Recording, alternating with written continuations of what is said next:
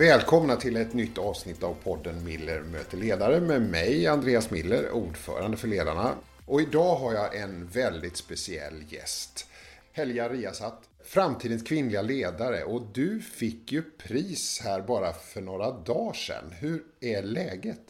Läget är jättefint faktiskt. Jag har fått eh, så himla mycket kärlek och fina och positiva ord. Så jag är oerhört tacksam faktiskt. Ja.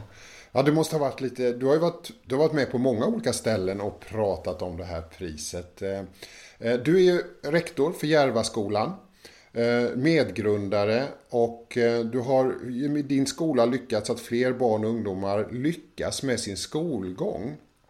Och jag tänker att vi ska prata om det där och hur det är att jobba som rektor på Järvaskolan. Men vi ska få lyssna på motiveringen från FKL-juryn varför du fick det här priset den 11 maj. Hon får omgivningen att stanna upp och lyssna. Med ett värderingsdrivet och empatiskt ledarskap skapar årets vinnare en vardag sprängfylld av inspiration och goda resultat. Hon leder en organisation där medarbetarna pratar 20 olika språk. Där blandas kulturer, religioner, åldrar och erfarenheter. Med ledorden “Vi löser det” skapar hon en trygg miljö där barn kan må bra och prestera och föräldrars engagemang tas tillvara. Det placerar Helja Riazat som nummer ett bland framtidens kvinnliga ledare 2021. Vad har du fått inspirationen till ledorden “Det löser sig”? Um, jag har alltid tänkt så här att när man hamnar i svåra situationer och uh, det känns nästan omöjligt måste man ställa sig själv frågan vad är det värsta som kan hända? Eh, och det värsta som kan hända är ju att det kan helt enkelt bli bättre bara man verkligen försöker.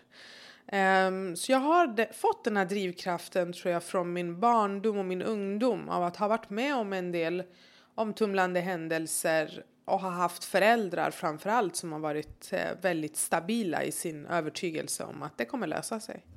Så var, var det liksom föräldrarna som sa det till dig, det kommer lösa sig? Mm, föräldrarna har alltid känts väldigt trygga. Våra föräldrar har varit fantastiska föräldrar som har gett oss en väldigt stor dos av trygghet, verkligen. Vad vill du då att de här orden ska skapa för känsla hos dina medarbetare? Jag vill att de ska känna just den tryggheten som jag försöker förmedla. Alltså att eh, jag står bakom dem, att vi kommer att tackla alla svårigheterna tillsammans. Eh, att inga mål som är uppsatta är omöjliga att uppnå och att vi ska, vi ska kämpa tillsammans helt enkelt genom gemenskapens kraft. Och hos dina elever, vad vill du att de ska känna?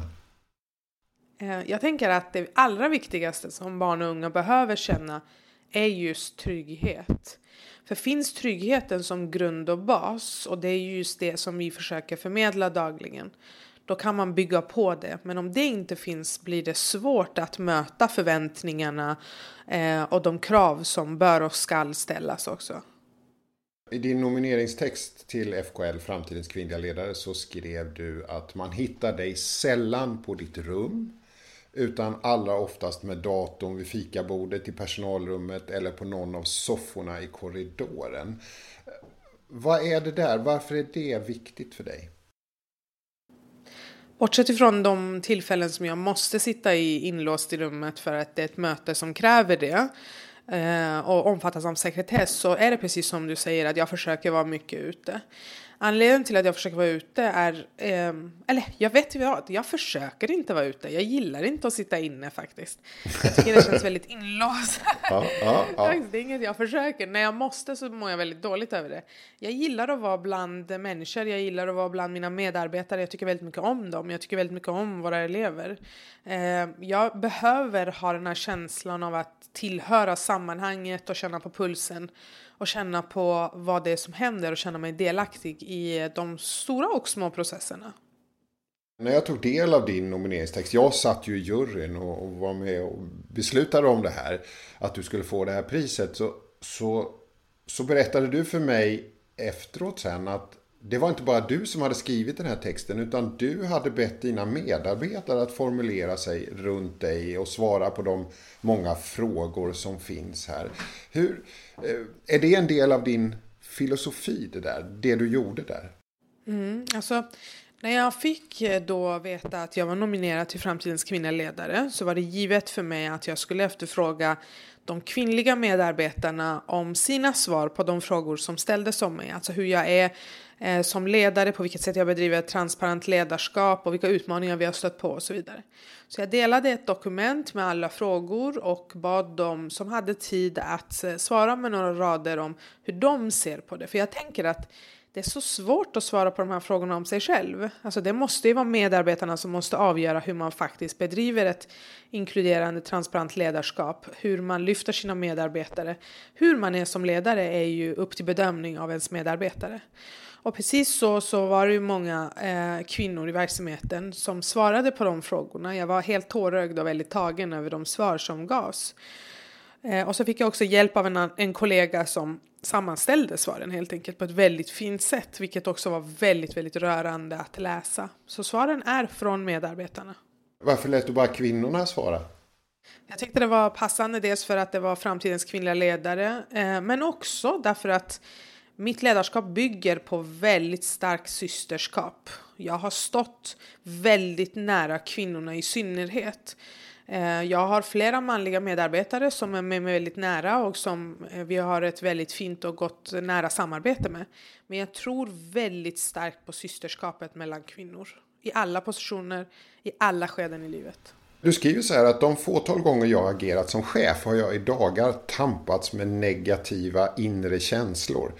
Tvärtom har det sällan känts så tillfredsställande som när jag agerat i min naturliga roll som ledare, ofiltrerad och utan hierarkiska föreställningar, skriver du. Eh, vill du utveckla det där?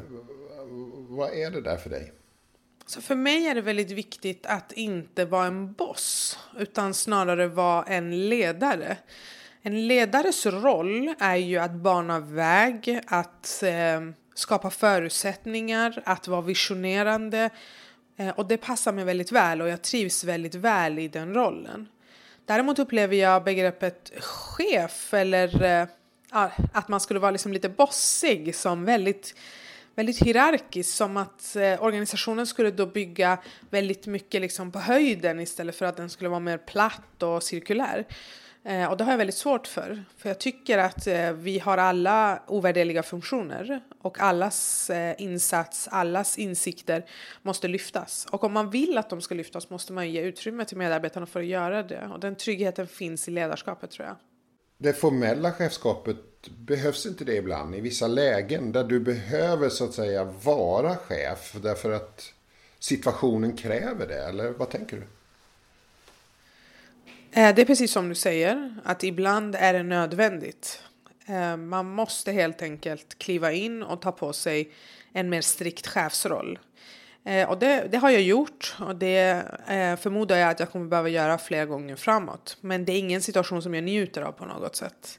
Den typen av strikt maktutövande är inget som jag eftersträvar i mitt ledarskap. Har du några förebilder sådär? Som chef och ledare när du tänker? Mm, eh, jag har vuxit upp med eh, en förebild som jag alltid såg upp till under hela min uppväxt och det var min mormor faktiskt. Min mormor eh, gick bort för eh, fyra år sedan, 93 år gammal.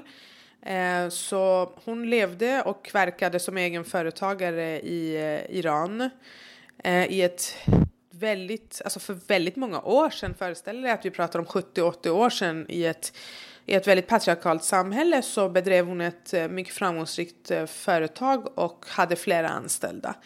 Hon var väldigt eh, visionär och såg utanför ramarna och hade en väldigt nära relation med sina anställda. Så när jag växte upp så såg jag ju hur hon var väldigt nära flera av dem som hade varit anställda hos henne. Och de var som familjemedlemmar till oss. Samtidigt som hon aldrig gav vika på sina mål och sina drömmar. Så henne, har du, henne bär du med dig? Alltid. Vad heter hon? Eh, min mormor hette Zari och hon var, en, eh, hon var en väldigt inspirerande kvinna på många sätt. Du, du är rektor för en skola. Det är ganska naturligt att också då prata om kunskap. Vad, vad är kunskap för dig? Kunskap och lärande är ju som du säger vårt huvuduppdrag.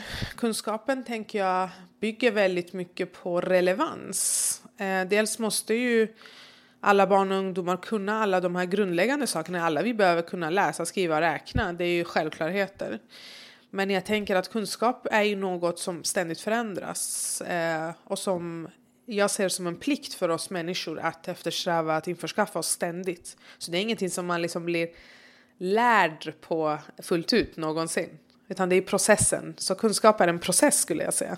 Är det den kunskapssynen du vill förmedla till dina elever? Mm. Ja, och för mig har det varit väldigt viktigt att vi förmedlar också förutom att vi förmedlar relevant kunskap i hög utsträckning så att det är roligt och intressant och stimulerande har det också varit väldigt viktigt för mig att vi gör kunskapen intressant och rolig. Alltså att det är kul att lära sig. Eh, det är en, jag tänker mig framförallt ämnet matematik. Jag är ju född och uppvuxen i Iran, har gått sex år i skola där. Och det var så kul med matte och alla tyckte om matte så mycket. Medan så är ju inte fallet i Sverige alla gånger. vad, gör du, vad gör du då för att matte ska vara kul? Jag har lärare som undervisar matte på ett väldigt roligt sätt och som själva tycker det är väldigt kul att vara mattelärare. Eh, och då tror jag att det smittar av sig, att man liksom tycker att det är kul. Eh, det tror jag är väldigt viktigt. Det måste vara roligt, det måste vara relevant, det måste vara stimulerande. Mm. Du, Järvaskolan har ju bra resultat vad det gäller eh, gymnasiebehörighet för de elever som lämnar skolan. Nio av tio elever lämnar skolan med gymnasiebehörighet. Vad skulle du säga? Vad är framgångsfaktorerna bakom det resultatet? Um, dels så handlar det ju om hårt arbete. Jag brukar ofta lyfta att eh, i vårt samhälle idag tror jag väldigt många vill ta genvägar. Alltså att man kanske eh, förväntar sig att resultat ska trilla in väldigt snabbt. Eh, det måste man eh, vara aktsam mot tycker jag. Utan man måste ha respekt för processer, att saker och ting tar tid och att det kräver en ständig underhållning.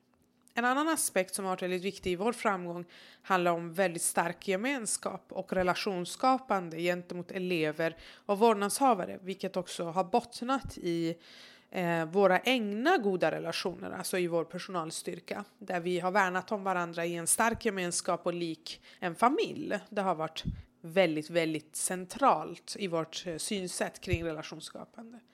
Sen handlar det också om att eh, i alla processer agera kompensatoriskt. Vi verkar i ett område som är resurssvagt.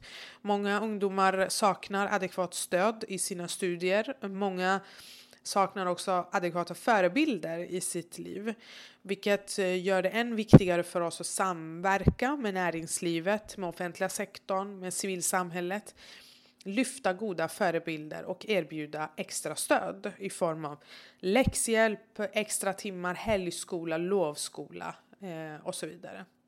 Och sist men absolut inte minst tror jag att det har varit väldigt viktigt att vi har jobbat väldigt mycket med normer och värden och en stark värderingsbas eh, utgått mycket från globala målen, eh, utgått mycket från eh, diskrimineringsgrunderna och lyft intersektionella perspektiv eh, som har synliggjort strukturer för eleverna och fått dem att förstå att det är fullt möjligt att påverka, att ta sig fram, att öka deras grad av egen makt helt enkelt.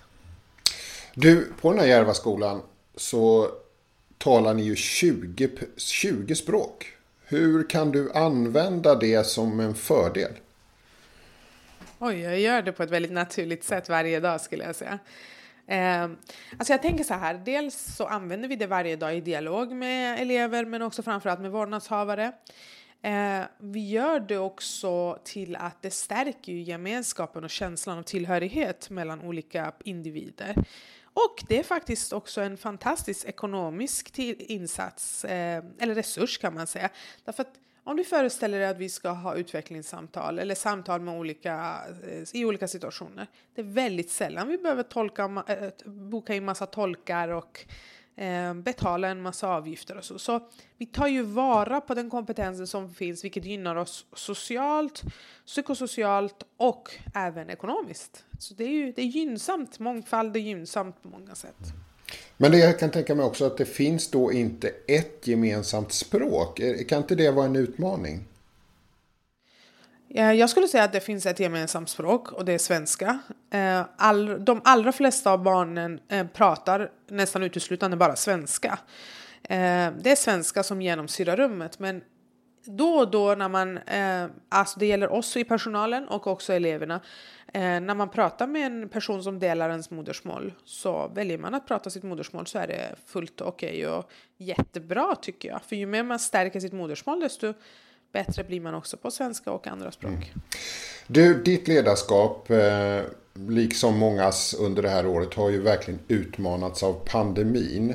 Och i ditt område, i Järva, så slog pandemin väldigt hårt. Eh, skulle du kunna ta oss in i det där? Hur var det? Hur påverkade det dig, eleverna och personalen?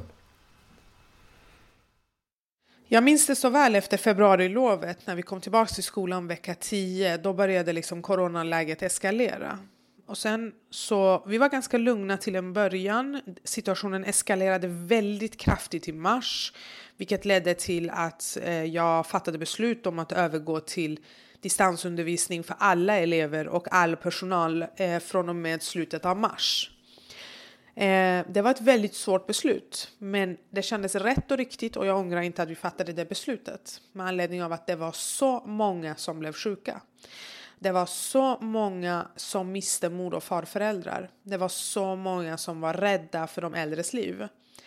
Eh, det var flera i vår personal som miste sina föräldrar eh, och det var sorgen som lade sig över hela området, över vår verksamhet, över allas hjärtan.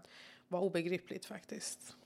Ehm, och då så var det så häftigt att se hur vår personal var beredda att stå stabilt bakom de beslut som fattades. Så länge vi fattade beslut om att vi skulle vara kvar, då var alla kvar. Eh, vi hade i stort sett, förutom de som var sjuka, hade jag ingen frånvaro. Det var liksom bättre närvaro på skolan än vad det för övrigt brukar vara annars.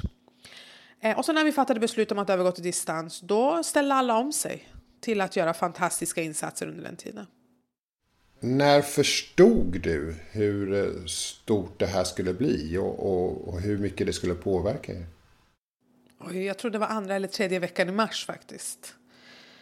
Eh, tredje veckan i mars då känd, började det kännas ohållbart. Det minns jag så väl. Och jag minns så väl att det blev liksom mindre och mindre folk ute.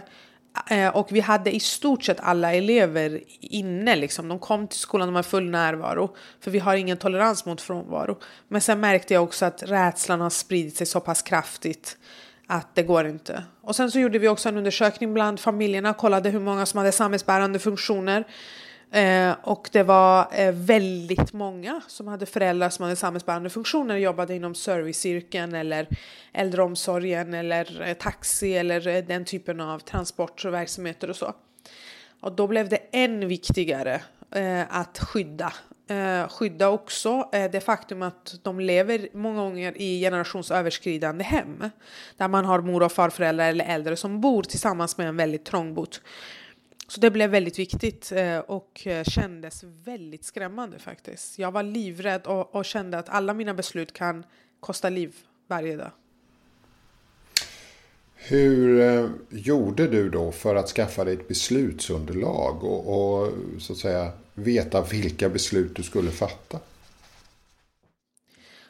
Alltså först så genomförde vi hälsokontroller bara för att eh, säkra oss att ingen som kom in hade feber, hosta, inga symptom på det viset. Och sen när vi märkte att målgruppen, alltså eleverna och föräldrarna är väldigt rädda, det är många som insjunknar. Eh, siffrorna kom att Järvaområdet är hårdast drabbade av pandemin Eh, då började vi ringa. Vi ringde hem till alla elever och frågade hur det ser ut i hemmen. Och det avgörande vi kunde göra var att det var alldeles för många som hade föräldrar eh, som arbetade inom samhällsbärande funktioner och som levde generationsöverskridande. Vilket skulle skapa eh, större besvär om vi inte helt och hållet skulle övergå till distansundervisning. Alltså genom att vi övergick till distansundervisning för alla så kunde vi hålla ihop trådarna eh, mycket mer enhetligt så att säga. Vad är den viktigaste lärdomen som du tar med dig från pandemin? Den viktigaste lärdomen är att man ska inte leka expert. Man ska eh, lyssna på våra experter och myndigheter. Man ska inte sprida rädsla, man ska hålla sitt lugn. Och man ska stå ihop och tillsammans i svåra lägen. Eh, det är när man börjar liksom bli panikslagen och börjar motarbeta varandra som saker och ting kan gå riktigt snett. Och eh, jag beklagar att många av mina kollegor i många verksamheter har fått bevittna eh, den typen av känslor. Och jag är väldigt tacksam över att våra kollegor har varit så stabila. Helga, eran skolans värdeord, Eh, Järvaskolans värdeord, de är ju gränslösa drömmar, höga förväntningar, stark gemenskap. Eh, hur tog ni fram just de orden? Var det, hur såg den processen ut?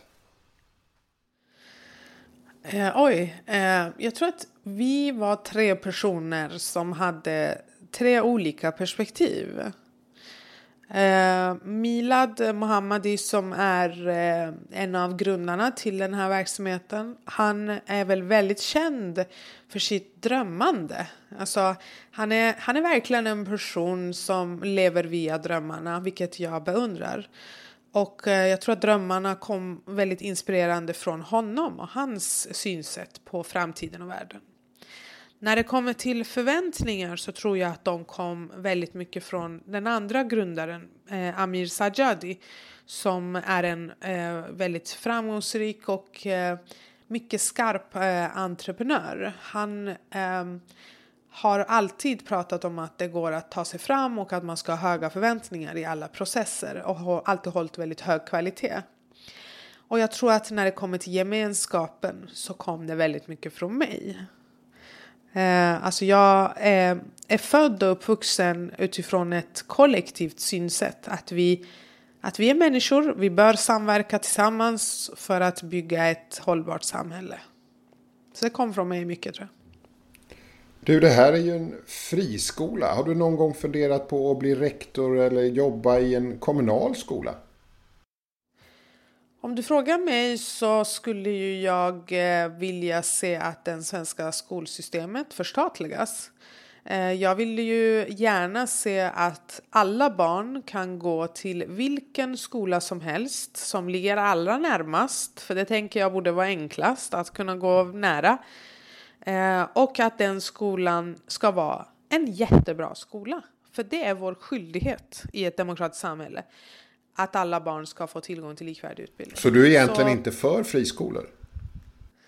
Nej, alltså jag skulle gärna se att vi inte har den extrema marknadsskolan vi har idag. Eh, jag är ju definitivt 100% emot vinster i välfärden och eh, definitivt emot vinster i, i skolverksamhet. Utan vinster bör återinvesteras.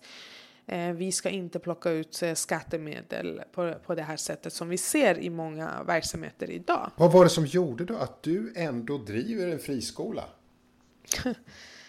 Eh, det är med anledning av att målet och visionen har från allra början varit att skapa en modell som kan replikeras. Eh, vår, vårt mål har hela tiden varit att eh, genom våra insatser kunna påverka skolsverige, alltså kunna strukturellt bedriva ett påverkansarbete. Påverka politiken, påverka synsättet, påverka berörda myndigheter. Och det var svårt att göra det inom ramen för den kommunala verksamheten. Eh, så det enklaste sättet att göra det är dessvärre att starta en friskola. När jag har följt dig nu då, fram till det här priset och sådär, så har jag ju sett att du har funderat mycket över vad föräldrar, över varför föräldrar som visat ett stort mod och handlingskraft och flytt för att rädda sin familj kan sakna handlingskraft och engagemang för sina barns skolgång och utveckling. Eh, du har funderat mycket på det. Vad, vad är ditt svar på den, på den frågan?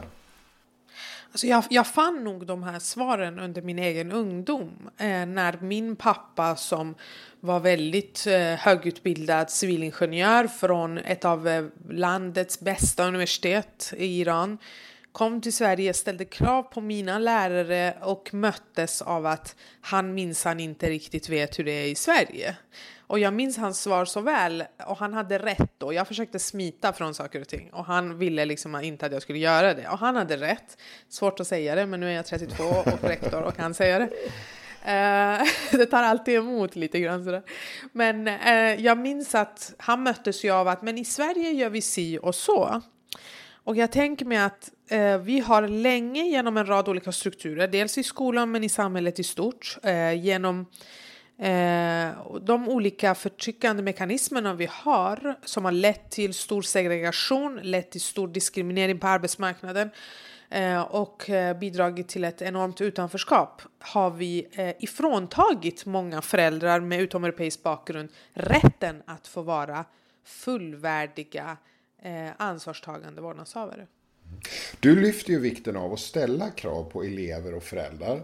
Eh, hur, det där kan ju vara en balansgång. Hur, hur gör du det så att det blir en positivt krav så att säga? Alltså om man, jag tycker så här, om man erbjuder de förutsättningar som behövs och krävs, då är man också berättigad till att ställa krav. Så jag försöker hela tiden balansera mellan att erbjuda och ställa krav. Och det tycker jag att vi har gjort väldigt framgångsrikt. Och att också erbjuda ett stöd längs vägen där man ställer krav. Men det stämmer alldeles riktigt att jag är väldigt hård. Eh, jag tror att kollegorna hade skrivit i de här svaren begreppet tough love. För jag är verkligen, eh, jag tror att mitt ledarskap och min kommunikation präglas väldigt mycket av tough love. Jag kan uppfattas väldigt hård, men jag är egentligen väldigt mjuk och jag gör det för deras skull och för deras bästa. Du, vi vet ju att det skjuts alldeles för mycket eh, och också i det område där du eh, verkar. De här dödsskjutningarna, hur påverkar det eh, dig och din och skolans vardag? Jag kan inte längre räkna hur många morgnar och kvällar som jag har känt den här enorma rädslan i kroppen, nästan förlamande, när man får en notis om att ännu en dödsskjutning har ägt rum.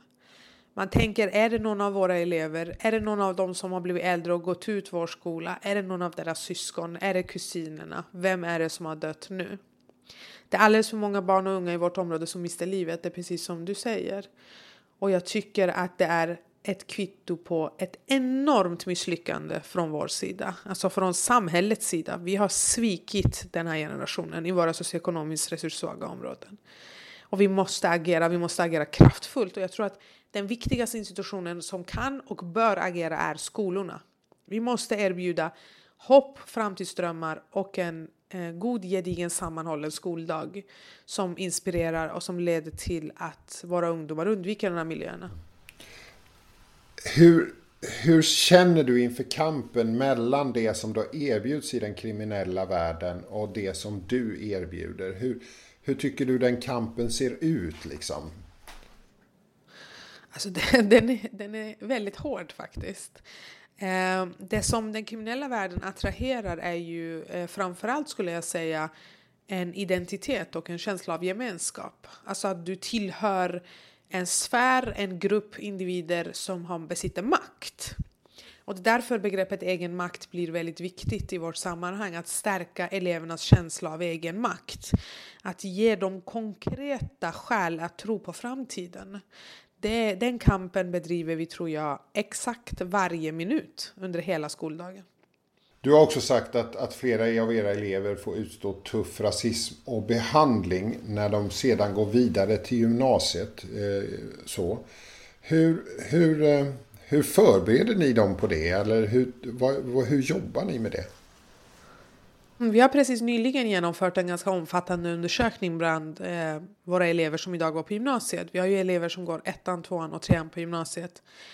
Och eh, nästan uteslutande samtliga, i synnerhet de som går i eh, mer eh, privilegierade skolor i Stockholms innerstad, vittnar om att de möts av eh, ständig rasism i sin skolgång. Och eh, vi har fört väldigt mycket dialog med dem om hur vi kan stötta dem. Ett sätt som vi tänker stötta dem på är att erbjuda dem mentorskap. Så vi har eh, eh, vi har gått eh, ihop tillsammans med verksamheten Mentor Sverige eh, för att tillsammans kunna erbjuda våra ungdomar möjligheten att ha mentorer som följer dem längs resan. Vi har också kommunicerat att Järvaskolan står alltid öppen för att vi ska eh, förbereda eleverna i årskurs 9 bättre för hur de faktiskt rent juridiskt eh, kan gå fram eh, när de möts av de här typen av strukturerna. Alltså väldigt konkret, hur anmäler vi till Skolinspektionen? Hur, går, hur polisanmäler vi? Hur, eh, hur går vi framåt? Och det, och det har vi tyckt att vi har gjort eh, och lärt dem rätt mycket om. Men vi har inte gjort tillräckligt. Och där har vi brustit och vi måste bli ännu bättre på att eh, synliggöra deras rättigheter. Vad är det för typ av rasism de möter? Exempelvis så berättar våra ungdomar om hur eh, de känner att de är skyldiga att besvara frågor om dödsskjutningarna i förorten fastän de eh, är drabbade av det eh, rent psykosocialt också trygghetsmässigt. De känner att de pekas ut, att de som bär sjal måste ofta svara på frågor om huruvida de faktiskt får utbilda sig Eh, alltså väldigt mycket fördomar eh, och väldigt mycket rasism. Flera vittnar om att n-ordet kan användas flitigt i klassrummet utan att lärare reagerar, utan att rektorer tar tag i frågorna. Du har ju i dagarna avslutat Ramadan, den muslimska fastemånaden. Vad, vad betyder din tro för dig? Eh, tro är något som jag har eh, funnit mer eh, senare tid och som har spelat en väldigt stor roll i lugnet jag känner i min själ.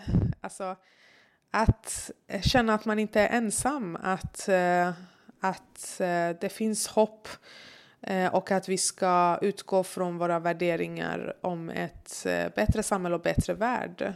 Det har varit väldigt centralt för mig. Tron är betryggande, väldigt betryggande. Vad, vad, du säger, har den kommit på senare tid? Har den kommit liksom mer i vuxen ålder för dig eller? Uh, jag har inte alls vuxit upp i en religiös familj. Så religion har aldrig funnits i vårt hem på något sätt. Utan det är något som uh, jag har uh, sökt efter själv mer och uh, fått mer i vuxen ålder precis. Men man kan ju uppfatta dig när du och jag pratar som väldigt beslutsam, rationell, kunskap och så vidare. Och så och så tro i den andra? Eller är det där, är det där sammanflätat för dig? Ja, det är väldigt starkt sammankopplat faktiskt. Eh, jag lyssnade precis eh, nyligen på en föreläsning om eh, trons syn på kunskap. Och just att islam i synnerhet, men också många andra religioner, hur man uppmuntrar till att vara kunskapssökande. I islam är det centralt att man ska söka kunskap. Eh, att läsa, att lära sig är eh, en plikt, en livslång plikt som vi eh, ska eftersträva. Och eh, jag ser inte motsättningar mellan tron och eh, eh, en sekulär syn på samhället och att vara rationell. Utan tron är något för mig mycket privat och något som jag har mellan mig och min Gud. Tiden börjar rinna mot sitt slut i den här podden. Eh, det har varit väldigt och det är väldigt kul att prata med dig. Eh, och eh, vi kommer säkert mötas igen. Men innan vi tackar för oss, du och jag nu då, så vill jag gärna ge dig chansen att ge ett råd till chefer som lyssnar på den här podden. Eller ja, för den sakens skull också medarbetare och andra som är intresserade av dig. Eh, många företag och organisationer vill ju jobba med mångfald på ett framgångsrikt sätt. Vad, vad, skulle du säga? Vad har du för tips till företag, organisationer, chefer, medarbetare som vill jobba med mångfald och få det att bli framgångsrikt? Jag skulle säga att man ska eh, vara genuin. Alltså man ska verkligen eh, våga vara sårbar även gällande liksom, sina brister och eh, sina rädslor. Eh, och man ska vara nyfiken. Alltså man ska vara nyfiken på sin målgrupp. Man ska nyfiket söka efter eh, de här potentialerna som finns mellan ens eh, medarbetare. Och man ska se till att eh, eftersträva hållbarhet genom att visionen eh, om eh, alla eh, de värderingar man har eh, genomsyrar alla processer i ens verksamhet. Och sist men absolut inte minst ska man ta hand om sig själv och leva mycket i nuet. Det är lätt att vi bränner ut oss och särskilt eh, många kvinnor eh, som bär också ett större emotionellt ansvar både i sitt yrkesliv men också i det privata. Vi måste leva mer i nuet och njuta av eh, de små framstegen mot de långsiktiga målen. Det tror jag är väldigt viktigt. Vad gör du när du eh, vilar eller slappnar av eller återhämtar dig? Vad är det, vad är det bästa för dig? Det bästa för mig? Jag älskar att eh, ta promenader. Jag tycker det rensar eh, hjärnan att bara få reflektera en stund. Reflektionstid har alltid varit en viktig del av eh, min process. Att saker och ting måste få landa. Det, det är väldigt viktigt för mig. Det kan ju vara så att någon har det här i lurarna nu eh, och har tagit en promenad för att få lite input och vila kanske från den verksamhet som hon eller han bedriver någonstans i Sverige. Helga Riasat, otroligt kul att få träffa dig. Eh, Järvaskolans rektor och medgrundare och också framtidens kvinnliga ledare 2021 som vi på Ledarna har utsett. Tack för att du kom till Mille möter ledare. Och till dig som lyssnade, tack för att du lyssnade. Snart finns ett nytt avsnitt av Mille möter ledare där poddar finns. Stort tack Andreas och stort tack ledarna för förtroendet och eh, eh, stort tack helt enkelt. Jag känner mig väldigt ödmjuk och överväldigad och väldigt rörd fortfarande eh, över att ha mottagit den här utmärkelsen. Ja. Stort tack. Ja. Tack själv, väldigt kul. Tack ska du ha.